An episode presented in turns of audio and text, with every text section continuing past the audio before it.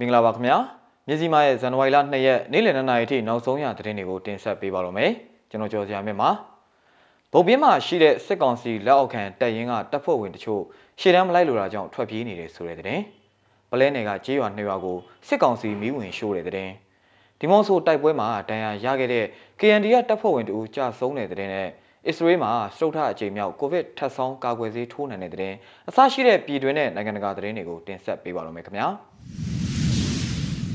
ထမဆုံးအနေနဲ့ဗုတ်ပြင်းမှာရှိတဲ့စစ်ကောင်စီလက်အောက်ခံတပ်ရင်းတွေကတပ်ဖွဲ့ဝင်တွေဟာရှေ့တန်းမလိုက်လိုတာကြောင့်ထွက်ပြေးတင်းရှောင်မှုတွေရှိနေတယ်ဆိုတဲ့သတင်းကိုတင်ဆက်ပေးပါမယ်။ ဒင်းလိုက်တိုင်းဒေသကြီးကော့တောင်းခရိုင်မှာရှိတဲ့စစ်ကောင်စီ20လက်အောက်ခံတပ်ရင်း9ခုကရှေ့တန်းမထွက်လို့တာကြောင့်စစ်ကောင်စီတပ်သားတချို့ဟာထွက်ပြေးတင်းရှောင်တာတွေရှိလာနေတယ်လို့အဲ့ဒီတပ်ရင်းနဲ့ဒီဆက်သူတွေထံကနေသိရပါဗျ။စစ်ကောင်စီရဲ့ကံယူရန်ဒေတာတိုင်းစစ်ဌာနချုပ်လက်အောက်မှာရှိတဲ့ကော့တောင်းမြို့နယ်ခမောက်ကြီးအခြေဆိုင်ခမာယာ261 431 432 282 584 582 595 992 996 996ခွန်အစရှိတဲ့တရင်9ခုရှိပြီးပြီးခဲ့တဲ့2021ခုနှစ်ဒီဇင်ဘာလအတွင်းကရင်ပြည်နယ်နဲ့အခြားဒေသတွေမှာရှေ့တန်းထွက်ဖို့ရင်းနေနဲ့ထွက်လာစဉ်မှာလန်ခီမှာထွက်ပြေးတိမ်းရှောင်ခဲ့တယ်လို့အဲ့ဒီတရင်တွေထံကနေသိရပါဗျ။ခမောက်ကြီးမြို့ဒေသခံတူကထွက်ပြေးတာကတော့တပ်ဖွဲ့ဝင်25ဦးလောက်ရှိပါတယ်။တချို့လည်းပြန်ဖမ်းခံရတယ်လို့လွတ်မြောက်နေသူလည်းရှိတယ်လို့ပြောပါတယ်။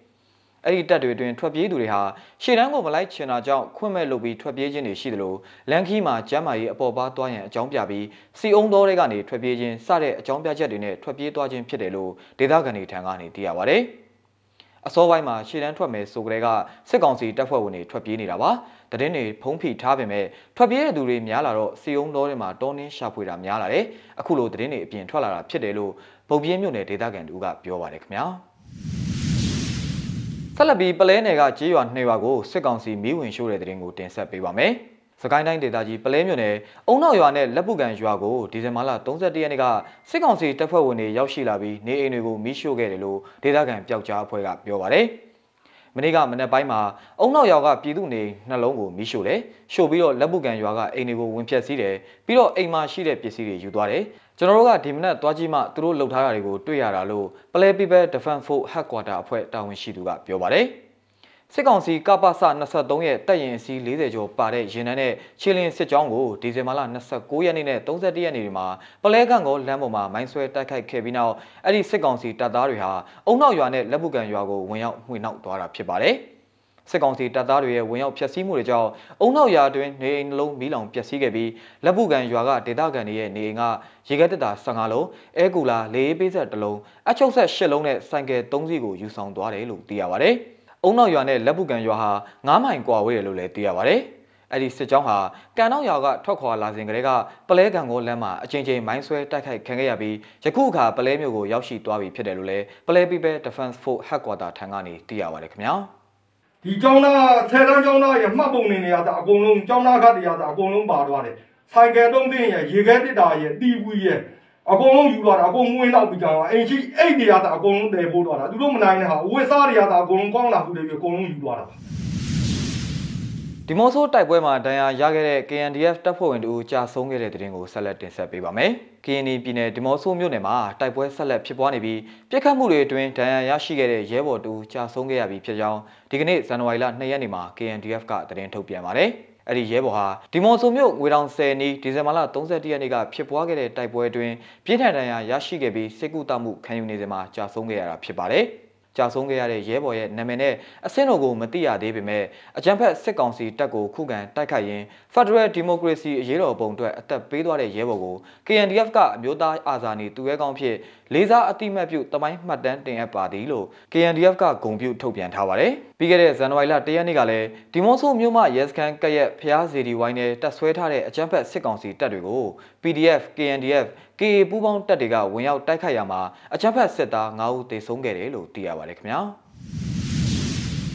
အစ္စရေးမှာစတုထအကြိမ်မြောက်ကိုဗစ်ထပ်ဆောင်ကာကွယ်ဆေးထိုးနှံတဲ့နိုင်ငံတကာသတင်းကိုလည်းရှုစားရအောင်ပါ။ Omicron မျိုးကွဲကြောင့် ကိုဗစ်ရောဂါကူးစက်မှုမြင့်တက်လာနေတဲ့အစ္စရေးမှာကိုကန်အားနည်းသူတွေအတွက်စတုထအကြိမ်မြောက်ထပ်ဆောင်ကာကွယ်ဆေးထိုးနှံပေးသွားဖို့ဒီဇင်ဘာလ30ရက်ကြာသပတေးနေ့ကအတည်ပြုလိုက်ပြီးယခုလိုပြုလုပ်တဲ့ပထမဆုံးနိုင်ငံတွေတဲကတစ်ခုဖြစ်လာခဲ့ပါတယ်။ Pfizer ရဲ့ ကိုဗစ်ကာကွယ်ဆေးပြားတွေနိုင်ငံအတွင်းကိုပထမဆုံးအသုတ်ရောက်ရှိလာချိန်မှာအခုလိုအတည်ပြုလိုက်တာဖြစ်ပါတယ်။ခုကနေပါသူတွေကိုစတုဒ္ဓအကြိမ်မြောက်ကာကွယ်ဆေးထိုးနှံဖို့ဒီကနေ့အတည်ပြုလိုက်ပါတယ်လို့ကျန်းမာရေးဝန်ကြီးဌာနညွှန်ကြားရေးမှူးချုပ် Nash Man-Ash က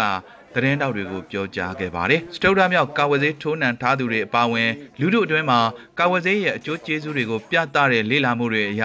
ယခုအချိန် Omicron ကူးစက်မှုမှာခုခံအားနည်းသူတွေအတွက်စိုးရိမ်တာကြောင့်ဒီအစီအစဉ်ကိုလုပ်ခဲ့တာပါလို့၎င်းကဆိုပါတယ်။ကျမရဲ့အာဏာပိုင်တွေကကြာတာပရိနေ့အတွက်ယောဂကူးစက်မှုအသစ်4000ကျော်ရှိကြောင်းသတင်းထုတ်ပြန်ခဲ့ပြီးဒါဟာစက်တင်ဘာလကတည်းကမကြုံစဘူးတဲ့အမြင့်ဆုံးစံချိန်ဖြစ်ပါတယ်။ကျမရေးဝန်ကြီး Nizit Horowitz က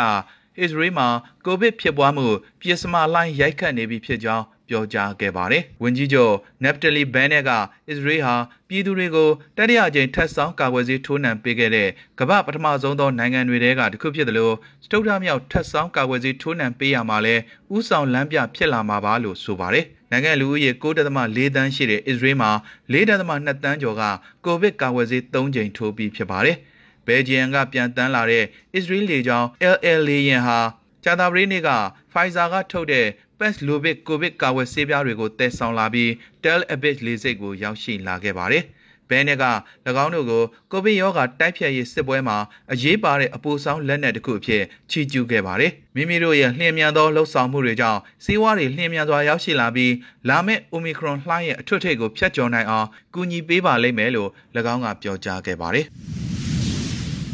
မြစည်းမရဲ့ဇန်နဝါရီလ2ရက်နေ့လယ်2နာရီအထိနောက်ဆုံးရသတင်းတွေကိုတင်ဆက်ပေးခဲ့တာပါ မြန်မာပြည်သူပြည်သားပေါင်းဘေးရန်တွေအမျိုးမျိုးကနေကင်းဝေးကြပါစေခင်ဗျာ။